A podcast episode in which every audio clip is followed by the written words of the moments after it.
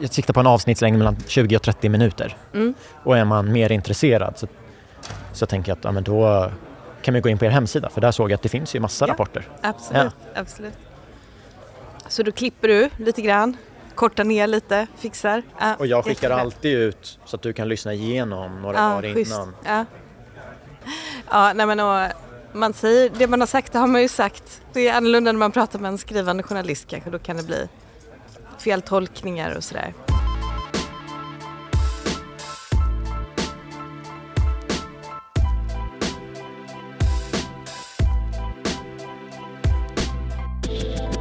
Att den fysiska handeln har förändrats under de senaste 15 åren har nog de flesta märkt av. Det är bara att börja med dig själv. Hur handlar du kläder, elektronik och mat idag?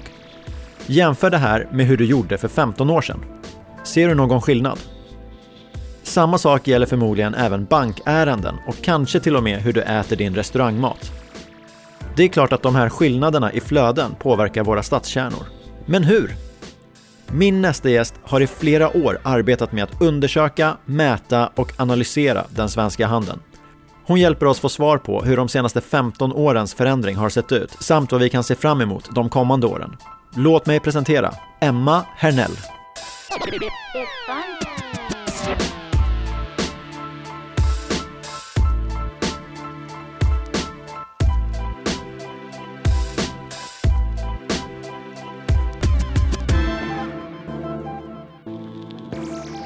Från Business Arena i Stockholm. Varmt välkommen till hela kedjan Emma. Tack så hemskt mycket. HUI står det på ditt visitkort. Mm, det gör det. Vad är det för någonting? HUI är ett ehm, eh, rådgivningsföretag. Vi jobbar med analys, strategi och rådgivning och vi arbetar egentligen med alla aktörer som finns i konsumtionslandskapet. Det är handelsföretag, det är fastighetsägare, det är alla de som gör affärer runt omkring konsumtionen så att säga. Så det är vi specialiserade på. Och du själv då? Vad gör du om dagarna? Vi vet att det är någonting på HUI, men vad gör du exakt? Ja, men jag är ju VD på bolaget så det handlar ju väldigt mycket om att staka ut riktningen, den strategiska riktningen och sen säkerställa att mina medarbetare vet vad de ska göra och har de bästa förutsättningarna att göra så gott de kan. Jag har ju skrivit här HUI inom parentes Handelns utredningsinstitut. Mm. Har jag bara snappat upp det någonstans eller Nej. började det så? Det började så, Handelns utredningsinstitut. Vi ägs till 100% av Svensk Handel som är en eh, branschorganisation, arbetsgivarorganisation och vi är deras fristående dotterbolag så vi är oberoende och verkar som konsulter på marknaden så att säga. Men eh, Handelns utredningsinstitut hette vi från början. Sen någon gång under historien så tyckte man att det var lite komplicerat att säga kanske. Så då blev det HUI istället. Men det lever kvar, Handelns utredningsinstitut. Det, ja, det, det finns där någonstans i alla fall. När jag kontaktade dig så hade jag ju en, en bild av vad jag ville prata om. Men jag gick ändå in på hemsidan och då såg jag så himla många rapporter och visste att det är kopplat till, till handeln på något sätt. Men det finns ju väldigt många olika inriktningar så jag fick lite beslutsångest. Mm. Alltså, vad, vad, vad ska jag välja? Men nu har jag valt. Ja. Den fysiska handeln Ja. har jag tänkt att vi ska prata om. Ja. Och om vi går in på det. Det här segmentet, den fysiska handeln, du får gärna berätta vad, vad ni tänker ingår i det. Och om vi kollar de senaste 15 åren, om du ska beskriva den utveckling som har skett, hur gör du det? Ja, men för 15 år sedan kanske vi inte ens hade anledning att, att specificera att vi pratar om den fysiska handeln. Och kanske kommer vi inte behöva göra det så småningom igen heller för det kommer vara så naturligt att det är handel det handlar om i olika försäljningskanaler. Men de, de här 15 åren har ju handeln gått igenom en strukturomvandling som har varit massiv och omfattande och har ju blivit lite grann kanske symbolen för gemene man för vad digitaliseringen eh, innebär egentligen. Hur tänker du där?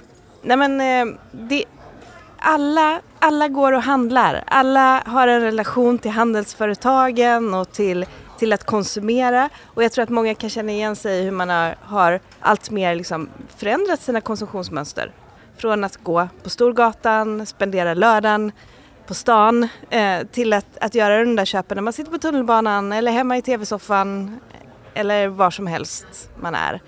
Men det är ju fortfarande så att det finns en, ett väldigt stort behov och eh, från konsumentens sida eh, för den fysiska handeln, den är fortfarande väldigt viktig för varumärken och för inspiration och för, eh, ja, för den här branschen så att säga. När man pratar om en förändring så kan ju 15 år är en hyfsat lång tidsperiod och en förändring kan ju gå hyfsat linjärt eller så kan det vara hack. Och jag har förståelse för att det kan skilja sig beroende på vart i Sverige man är. Men, men hur har svenskarnas, om det går att generalisera så eller om du vill fokusera på någon storstad, hur har det beteendet förändrats? Ser ni så här, men det förändringen i beteende var gradvis eller är det så här, oj, 2013 då lanserades Zalando och kolla vad som hände året efter? Nej, men jag skulle nog säga att det har varit en gradvis förändring. Man vänjer sig långsamt vid det här nya, nya sättet att handla på. Det började med bokhandeln en gång i tiden. Eh, och det är inte så konstigt att det började med bokhandeln därför att det var enkelt för, för eh, konsumenten att välja att handla det digitalt istället. För man behöver inte prova det, man behöver inte känna och klämma på det. Bokhandlarna kunde ha ett väldigt stort utbud digitalt vilket eh, konsumenterna uppskattade. Så det började där och sen gradvis. Och då var frågorna i början handlade ju väldigt mycket om eh, kan jag lämna ut mitt kontokortsnummer, kommer leveransen att komma? Och det var skandalartiklar i början om julgranar och julklappar som levererades i februari och sådär. Eh, men sen så småningom så vande man sig och e-handlarna blev också bättre och bättre på att, att leverera produkter. Och då, då, har det spridit sig från bransch till bransch eh, så att säga. Och den sista branschen ut att digitaliseras har ju varit dagligvaruhandeln. Och det är väl egentligen det enda som jag kan säga, men där hände det någonting. Och det var ju när Corona slog till. Då hände det verkligen någonting som gjorde att, eh, att digitaliseringen tog en väldigt, väldigt snabb eh, vändning. Men om man ska prata om den fysiska handeln under de här 15 åren, vilket vi kanske ska göra också, så har, ju, har ju utvecklingen gått väldigt mycket eh, från stadskärnorna, Storgatan i våra olika städer, till köpcentrumhandel där man klustrar väldigt hårt. Eh, modehandeln har varit jätteviktig, köpcentrumhandeln. Men sen de senaste tio åren så har vi sett också en väldigt snabb utbyggnad av externa handelsplatser. Eh, lådor utanför städerna eller gamla industriområden som transformeras till att bli handel. Och det är en del av en specialisering igen då. Vi har gatorna i våra städer där vi har haft en mindre handel, lite mer småskalig, det har varit modehandel. Där flyttade eh, kaféerna och restaurangerna in. De senaste 15 åren har det också varit en väldigt kraftig tillväxt i de branscherna. Så blev de här lådorna på landet, de blev lite mer storskalig handel. Hemelektronikbutiker, järn och bygghandel, möbelvaruhus och så vidare. Um, och dit behöver man ta sig med bil. Det har varit en väldigt rationell handel. Det är enkelt att handla där. Ehm, och de senaste fem åren så har ju lågprishandeln vuxit väldigt kraftigt i de områdena också. Så det är väl en utveckling som har skett. Sen tycker jag det är väldigt spännande att se att den här storskaliga handeln kanske flyttar in till städerna igen nu. Då sluter vi cirkeln på något sätt. Vi har fått in en del lågprisvaruhus in i våra stadskärnor. Eh, Ikea öppnade i Gallerian för inte så länge sedan. Eh, samma sak på Mall of Scandinavia, där har en, en del aktörer som i vanliga fall ligger ute i externhandelsområdena öppnat sina butiker. Ja, jag tänkte fråga det, för om vi tar Stockholm, vi spelar in där i Stockholm och mm. jag är uppvuxen här och jag minns mm. för 15 år sedan i Barkarby. Mm. Ja, men det fanns ju ett IKEA, Elgiganten, mm. jag tror Jula också. Mm. Åker man till Barkarby idag så har det ju, dels har det byggts massa bostäder men även innan bostäderna så började det ju poppa upp Toys R Us, eh, XXL, mm. Mm. butiker som finns i innerstan också. Mm. Ja. Kan man se, är det, är det bilen som tar dig till Barkarby eller är det någonting annat i beteendet som gör att nej men jag åker till Barkarby för att jag kan göra samma saker där nu som jag kan göra i stan? Alltså hur, hur tänker folk? Jag tror att man måste fundera på vad det är som är destinationen så att säga. Varför gör man resan? Och man gör ju inte resan därför att man har en bil så att säga utan det är ju bara färdmedlet. Men ehm, och i, i Barkarby så är det väldigt tydligt att IKEA var en väldigt viktig dragare där. Och när man ändå åkte dit på lördagen och spenderade ganska mycket tid, dels tar det ganska lång tid att gå i varuhuset och så kanske man stannar och äter köttbullar och så vidare och då kan man lika gärna passa på att göra andra saker när man ändå är där. Så jag tror att den hemligheten handlar väldigt mycket om att ha en riktigt stark dragare och ankare i, i handelsplatsen och sen passar man på att göra annan handel när man ändå är där.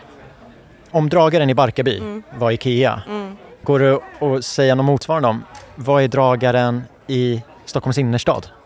Ja, och där är nog dragaren, där är det någonting annat tror jag. Där är det atmosfären, eh, de andra människorna som rör sig på gatan som man gärna vill titta på, eh, röra sig runt omkring. Eh, det är utbudet, ett, ett, samlat utbud av mindre butiker och, och trevliga restauranger och kaféer. Det är någonting annat tror jag. Det är mycket mer en känslomässig upplevelse som, som man får där jämfört med eh, i Barkarby. Och konsumenten har ju behov av både och så att säga. Eh, och olika typer av butiker fyller olika funktion. Ibland är det en aktör som är tillräckligt stark för att vara en dragare. IKEA har varit en sån under många, många år. Systembolaget är en annan sån. De stora dagligvarubutikerna kan också vara det. Men det är ganska få andra som kan ha den kraften i sig själva. Men däremot så kan kluster av handel också utgöra en sån attraktion. Att det inte det, det är några kvarter där det finns ett mixat utbud av, av butiker som man gillar. Och då kan det vara attraktionen, det tror jag det är i, i, i city. Hur skiljer sig Stockholm från, från andra stora städer i Europa? Om vi jämför med våra grannar Köpenhamn och Oslo, ser ni ungefär samma trend om ni kollar där? Att ja, men innerstan har konkurrens av de här lådorna och, och köpcentrum eller är det någonting i svenskarnas förutsättningar som gör oss unika till den här kombinationen? Ja, jag tror att vi har haft ganska liberala regler för här kommer ju planmonopolet spelar in, kommunernas planmonopol och regleringar kring hur man får bedriva bedriva handel och var man får etablera handel och vad man får ha för öppettider och så vidare. Det spelar ganska stor roll här. Så att Sverige har varit ganska haft en väldigt kraftig tillväxt av handel under de senaste 20 åren vilket har varit drivet av den här utvecklingen som jag beskriver, den nya typer av handelsplatser har fått öppna. Dels har man tillåtit dem att etablera och dels har man varit generös med öppettider och så vidare. Det är ju många städer i, runt omkring i Europa där man inte får ha söndagsöppet till exempel. Då påverkar det eh, ganska, ganska mycket vad det kan bli för etableringar och så. Pandemin är ju officiellt över, läste jag någonstans. Aha, ja. Men den har ju varit här och den har förändrat oss. Du nämnde matleveranser mm. som kom mm. igång under pandemin. Hur mer har den påverkat? För vi, vi är ju typ tillbaka till ett, ett normalläge, att man kan gå på stan om man vill och man kan vara närmare mm. än en och en halv meter. Det är inte bra att nysa, men, men det är väl det. Mm, mm. Har ni börjat få in några signaler på vad kommer vi tillbaka till? Ja, men det här är ju en jättespännande fråga och eh, det vi såg inledningsvis i pandemin det var ju att eh, städer med en stor koncentration av dagbefolkning, alltså mycket kontorsbefolkning, de drabbades hårt. Så ju större stad egentligen, ju hårdare drabbades man. Och när återhämtningen kom så såg vi också att till att börja med så var ju återhämtningen mycket kraftigare i storstäderna än i mindre städer. Ehm, men det är inte säkert att vi ser det ehm, långsiktigt. Därför att vi har efter pandemin också fått en viss utflyttning från storstäderna, en lite grann återgång till, eh, till mindre städer som, eh, som klarar sig, ja, klarade sig bättre under pandemin och har liksom återhämtat sig till samma nivå som före, lite, grann, lite snabbare. Och vi kommer eh, faktiskt ganska snart att släppa vårt Cityindex och där har vi, det är inte riktigt färdigt än så jag kan inte prata om de siffrorna för de är inte helt klara men där gör ju vi en mätning av stadskärnornas utveckling i hela Sverige, alla Sveriges stadskärnor. Och där kommer det att komma fram intressant information tror jag, för det är 2021 års siffror och det är fortfarande ett pandemiår men det är ändå ett, en, ett år av återhämtning också. Du nämnde restauranger och mm. kaféer, mm. den atmosfären i mm. stadskärna. Mm. Den fanns ju såklart för 15 år sedan också. Men för 15 år sedan var jag 15 år yngre och då mm. När jag gick till stan så mm. var det för att shoppa mm. kläder. Mitt beteende har ju gått över till, till online. Och jag, men jag kan inte säga om det är en åldersgrej eller om det är en stadsutvecklingsgrej. När ni kollar. Visst att restauranger och kaféer, det var säkert draglok för 15 år sedan också. Mm. Men eh, var det ett lika stort draglok då? Eller har stadskärnan tappat eh, viss attraktion? Nej, alltså eh, det var inte ett lika starkt draglok då för kaféer och restauranger har ju under de senaste tio åren haft en tillväxt som har varit mycket snabbare än de andra branscherna. Så det, det finns fler kaféer och restauranger idag och det attraherar nog i mycket större utsträckning. Konsumenten lägger en större andel av sin disponibla inkomst på restaurang och kafé jämfört med på kläder. Jag tror inte att det där är en generationsfråga. Jag tror tvärtom, den unga generationen handlar ännu mer digitalt och ännu modigare i det så att säga. Um, så det är, ett, det är ett beteende som har, har förflyttats från fysisk handel till dig, digital handel. Och under coronan, när det, gick så, när det var så tufft för modehandeln, det var ju egentligen modehandeln som drabbades av coronan, de andra branscherna klarade sig på helheten ganska väl men modehandeln hade det tufft. Och sen hade man en återhämtning har man haft under en period.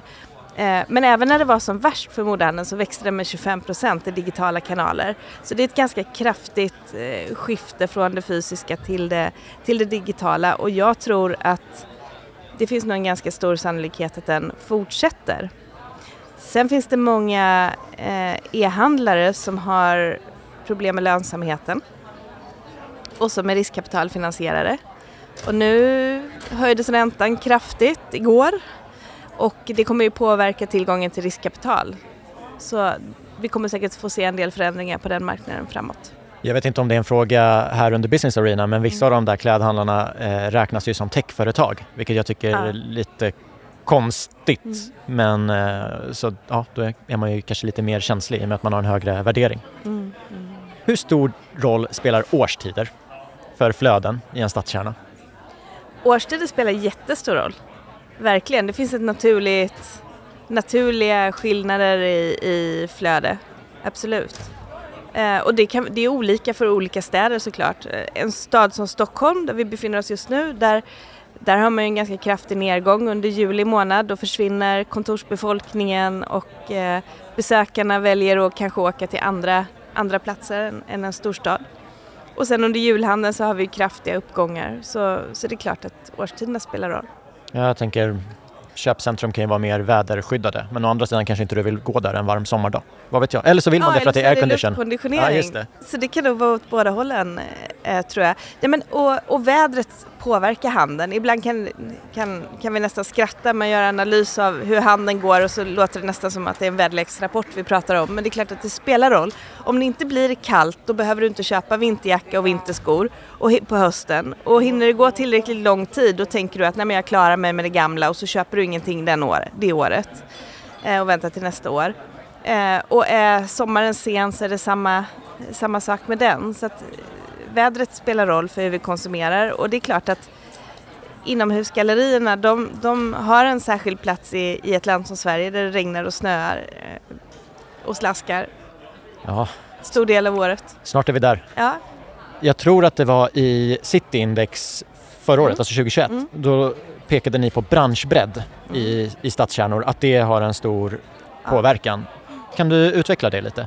Ja, det var i vår rapport som vi släppte i våras, Cityindex, Index, eller Insikt som är en del av, av eh, Cityindex. Ehm, det vi har sett är att om man mäter utvecklingen i stadskärnor och så tittar man på vad, hur ser innehållet ut egentligen, vad finns där? Då kan vi se att de stadskärnor som har en bredd i branscher, det vill säga eh, de har eh, en stor andel kommersiell service, de har mycket hotell och restaurang, de har kulturverksamheter Ehm, då ser vi att eh, tillväxten är, har varit starkare i de stadskärnorna. Har ni kollat på vilka aktörer som behöver göra vad för att få till det? För att jag tänker med fastighetsägare, är det deras ansvar att bidra till branschbredden i staden? Ja, men någon annan har den där hyresgästen, då, då får inte jag ha den branschen, då ska jag ha någonting annat. Staden och politiken har ju också sina styrmedel. Har, har ni kollat någonting på vem ska göra vad för att få till en levande stadskärna? Nej, det har vi inte kollat på och det, då kommer jag säga någonting som man har hört till förbannelse i den här branschen och det är att man måste samverka då och prata med varandra eh, för att få till en optimal helhet så att säga. Um, och det är också, men det är, det är ganska roligt, vi hör ganska ofta att det här med kultur är jättebra i stadskärnan och det får gärna vara i någon annans fastighet, inte just i min det är klart att det går med tvingande medel att bestämma hur stor andel av olika typer av verksamheter det ska vara i olika, olika fastigheter. Men jag tror att om vi lyfter den här typen av frågor och visar på hur det faktiskt påverkar omsättningen i en stadskärna så tror jag att många av de stora aktörerna i alla fall, de vill ta ansvar för det här. Det tycker jag vi ser med fastighetsägarna i Stockholm city. Det finns flera stycken stora aktörer som tar väldigt stort ansvar, inte bara för sin egen fastighet utan också över ytorna mellan husen eh, och trivseln runt omkring helheten så att säga. Trygghet är ju någonting som det pratas väldigt mycket om i Sverige och jag vet inte, det är ju inte nödvändigtvis kopplat till en stadskärna. Men eh, är det någonting som ni börjar se att oj, det här är en jättefaktor som värderas högre och högre? Mm. Eller hur, hur har det sett ja, ut? Det, är en, det, är en jätte, det präglar ju hela den här valrörelsen och för företagen som är verksamma i de här branscherna så är det också otroligt viktigt. För att människor ska, ska våga röra sig, för att vi ska få de här trivsamma flödena där, där flödet, för flöden kan ju både skapa trygghet, att det är andra människor där man rör sig kan få en att känna sig trygg. Men det kan också få en att känna sig väldigt otrygg om, man, om, man, om det är ett, en typ av flöde som gör att man känner sig otrygg så att säga. Så för handeln är det här jätteviktiga frågor som står högt på, på agendan och även för fastighetsägarna så tror jag att det är det. För det här är ju det här är problem som man ser inte bara i utsatta områden utan lite överallt i, i Sverige. Och det vet vi ju också, de här skjutningarna som har varit i handelsplatser, det är klart att de bidrar till att skapa otrygghet bland konsumenterna. Jag minns, det var ju ett bombdåd på Drottninggatan, mm. uh, åtta år sedan. Ja, ah, är det så länge sedan? Ja, ja och jag, det var mitt i julhandeln. Ah. Jag gick ju inte dit dagen efter. Nej. Jag hade ju planerat att gå dit. Mm. Nej men det påverkar, det påverkar definitivt och det, det kan ju få långtgående konsekvenser också för om det är så att handelsbolagen utsätts för brott, vilket de gör idag. Det handlar inte bara om de här flödena utan också om brott mot eh, aktörer som får dem att stänga ner sina verksamheter. Då får det ju också effekt på, på medborgaren i, i, i, nästa steg så att säga. Det har vi ju sett i amerikanska storstäder under många år och där fick det konsekvensen till att det fanns inte hälsosam mat att få tag på för människor som bodde i utsatta områden.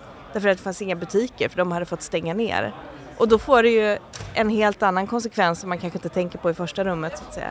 så det är jätteviktiga frågor. Ja, det är ett exempel på hur väldigt få personer kan förstöra för så himla många. För väldigt många. Men också ja. hur beslut av väldigt få personer kan påverka till det bättre. Ja. Mm. Och nu, har vi, nu blir det väl en en regering förmodligen som har vunnit val på den, mycket till följd av den här frågan. Så jag antar att vi kan förvänta oss åtgärder och sen får vi se om det är åtgärder som, som hjälper eller inte. Men... Ja, men precis, vi får, vi får följa. Ja. I, I City Index 2023. Ja, precis. Jag vill prata trender. Mm. Jag har snappat upp några Aha, eh, och du sitter säkert på mer. Ja. Men jag har ju hört talas om de här obemannade butikerna. Mm. Eh, då kan ju de vara öppna dygnet runt och du identifierar dig med BankID och så går du in och så finns det ett utbud. Mm. Hemleveranser har vi ju sett men nu har jag hört mer om så här, vad säger man, last, last mile. Last mile ja. Oberoende firmor som handlar där, vi, vi tar hem kläderna till dig. Mm. Öppettider. Jag minns när Kista Galleria började ha öppet till 21 Mm. Wow, kan man ha det? Mm. Nu vet jag inte vad Mall of Scandinavia har men eh, jag tänker det förändrade ju också väldigt mycket att du har till klockan 21 på dig. Mm. Va, vad, ser, vad ser vi för fler trender eller vill du kommentera några av de här? Kommer vi se obemannade butiker i stadskärnor? Ja men eh, obemannade butiker kommer vi nog att se. Där har det ju börjat, inte i våra stadskärnor utan ute på landsbygden. Eh, där det kanske till och med varit så att där har det inte funnits någon butik. Eh, en del av de här kedjorna, nya kedjorna då som jobbar med obemannade butiker, de har valt att gå in i orter där dagligvaruhandeln har lämnat så att säga. Eh, där de inte har eh, upplevt att det har gått att få lönsamhet. Så det är ju en fantastiskt ökad tillgänglighet för, för landsbygden då. Eh, men man kan ju tänka sig det i stadskärnorna också. Och i platser där människor rör sig stora delar av dygnet, att, att eh, låta det vara öppet. Och så identifierar man sig med BankID. Eh, och vi vet inte riktigt vad det här kommer ta vägen men det är en väldigt spännande, spännande lösning.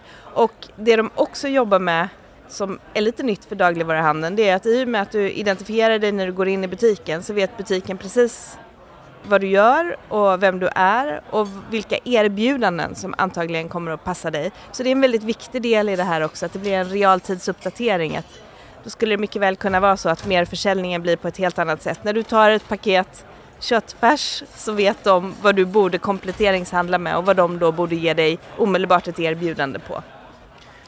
Det var det ju snack om förut att med all tillgänglig info mm. så skulle teoretiskt H&M kunna smsa mig när jag var i närheten av deras mm. butik att mm. Hej Nima, mm. du fyller år snart, mm. kom och köp en skjorta, halva priset. Jag har inte fått några sådana sms, jag vet inte om man la det på hyllan men... Nej, och det ens, men de är inte tillräckligt bra än de här algoritmerna. Det kommer säkert att utvecklas och det kommer säkert vara, vara så också att du kommer vara tvungen att eller du kommer vilja välja vem du vill ha sådana sms ifrån. För du kommer inte vilja ha det från varenda butik när du går Hamngatan ner. För det, det blir för mycket information och, och, och, ett störningsmoment. Men däremot från dina favoritvarumärken kanske du vill ha det.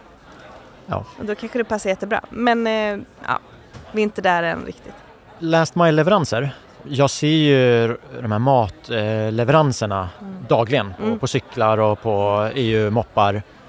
Och, och, jag inbillar mig, ja men det, det har väl ökat merförsäljningen för restauranger men eller har det det? Eller har bara färre, har färre personer gått dit? Mm. Eller liksom, kan man se, är restaurangerna fulla men säljer mer? Alltså vad, vad kan vi se? Nu har vi ju också haft en coronapandemin som ställer till statistiken lite grann så jag kan inte svara exakt på den frågan men jag tror att det driver, driver försäljningen. Och det driver försäljningen i vissa typer av restauranger. Det har ju också skapat en, ett utrymme för dark kitchens som har ett väldigt stort utbud och där du kan handla ifrån. Eh, och vissa också finrestauranger har hoppat på det här men långt ifrån alla så att säga. Men det är en annan typ av restaurangupplevelse och ett annat behov du har när du väljer att beställa hem mat till ditt hem Eh, och när du går ut på finkrogen. Det är två helt olika behov du har så att säga. Så att de behöver inte alls konkurrera med varandra. Däremot så kan du skapa skalfördelar för de här restaurangerna som nu kommer åt en del av ett beteende som de tidigare inte kom åt, nämligen att du sitter hemma och äter middag med din familj i soffan kanske. Ehm, så det, det är ju spännande. Det har ju också inneburit att restaurangerna tar en allt större andel av måltidskartan. Om du tänker dig att du har du har ett antal måltider som du äter och en del av dem servas av dagligvaruhandeln och andra av restaurangerna. Där har ju restaurangerna varit ganska duktiga på att liksom ta en större och större andel.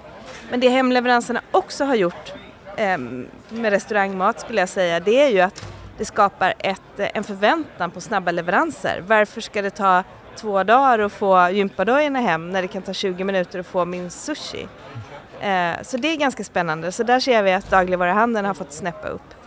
Det där är superintressant eh, för eh, när man on onlinehandlar, många har ju fri frakt till exempel. Mm. Och i den tid vi är nu med hållbarhet på agendan så kanske det inte är hållbart framåt och då, då ser man ju hur, kommer det förändras när du måste betala någonting som har varit gratis mm. eller att en leverans tar längre tid för den ska samköras med flera mm. saker. Mm. Jag kan ju bara spåna men nu sitter jag här med dig. Ja.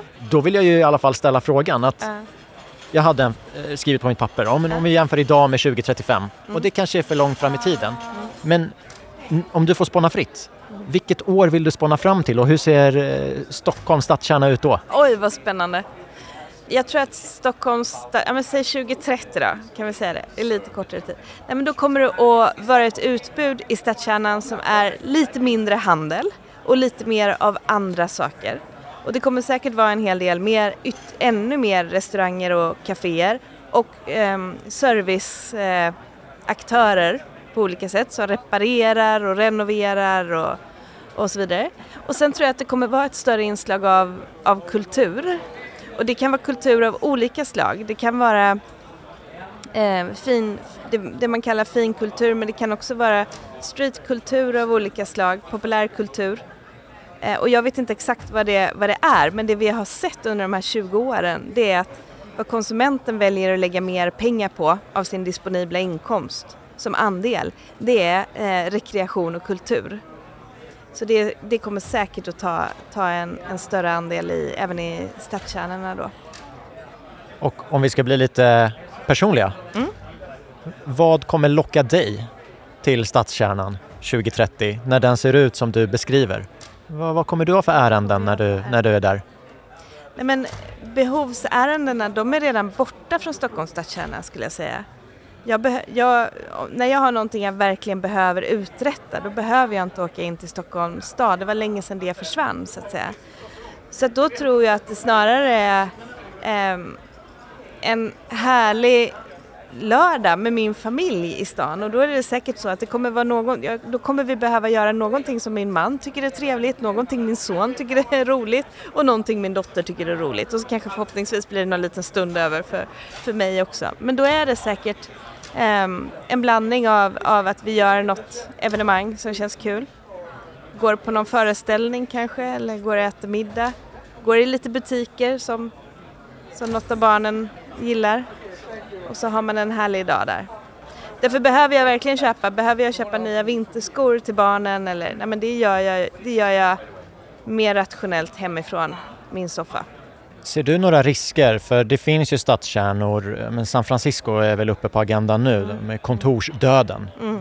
Och så finns det ju andra stadskärnor som, men vad, vad, ska du göra där kvällstid? Det finns ju ingenting, allt är i utkanten. Mm vad, vad, vad, finns det för risker vi kan gå i om vi inte samverkar och värnar om att få till eh, det Men jag tror flödet. om vi ska bygga resilienta stadskärnor då behöver man blanda eh, boende med kontor. Vi ska inte bygga stadsdelar där, som bara är till för en typ av användning så att säga utan det måste vara, det måste vara en mix och en blandning eh, i det. Och jag tror också att eh, att låta staden vara levande. Vi ska inte heller göra den alltför till, tillrättalagd och alltför perfekt så att säga. Om, om, du tänker efter, om du går i New York eller London eller Paris, du gör inte det därför att det är perfekt rensopat eller det inte finns något klotter på några väggar någonstans utan du, du gillar ju den för det är ett liv där för att människor, människor lever där, de lever sina liv och, och det är häftiga människor, det är städer som drar till sig häftiga människor. Och då måste man då måste man låta, låta det livet synas i staden också. Och det vet vi när vi har gjort studier, vi har tittat på till exempel var, var går du någonstans om du vill äta en, en härlig middag med dina vänner och gå på restaurang?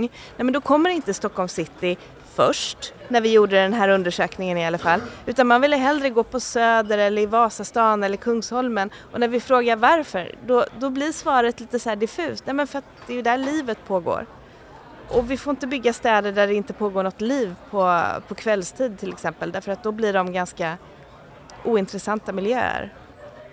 Det skriver jag under på. När släpps Cityindex nästa? Vi släpper den med ett seminarium i början på oktober. Mm. Då kan ju alla lyssnarna hålla utkik efter den rapporten. Så. Ja, absolut. Och den kommer presenteras som ett webbinarie så det är bara att lyssna in på det. Tack för att du gästade hela kedjan. Mm, tack så jättemycket. It's fun.